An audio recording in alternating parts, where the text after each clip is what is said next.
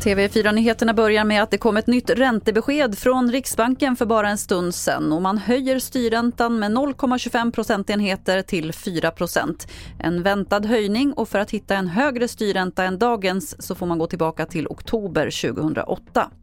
Det blir flera stopp i tågtrafiken i Skåne från och med imorgon och ett bra tag framöver. Tågen mellan Malmö och Lund stoppas i tio dygn och ersätts med buss. Och så kommer ett annat stopp mellan Ängelholm och Helsingborg från och med måndag och som väntas pågå i tio veckor.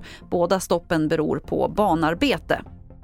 Till sist kan vi berätta att för bara en stund sen så presenterade Svenska Filminstitutet Sveriges bidrag till Oscarsgalan och det blev filmen Motståndaren av Milad Alami. Sen i december blir det klart om Sveriges bidrag går vidare när 15 filmer väljs ut. Och så i januari bantas listan ner till fem filmer som slutgiltigt blir nominerade till Oscarsgalan i mars. Fler nyheter hittar du på tv4.se. Jag heter Lotta Wall.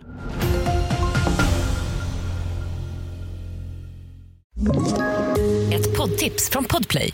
I podden Något Kaiko garanterar östgötarna Brutti och jag, Davva, dig en stor dos skratt.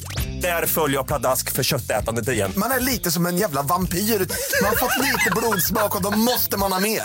Udda spaningar, fängslande anekdoter och en och annan arg rant.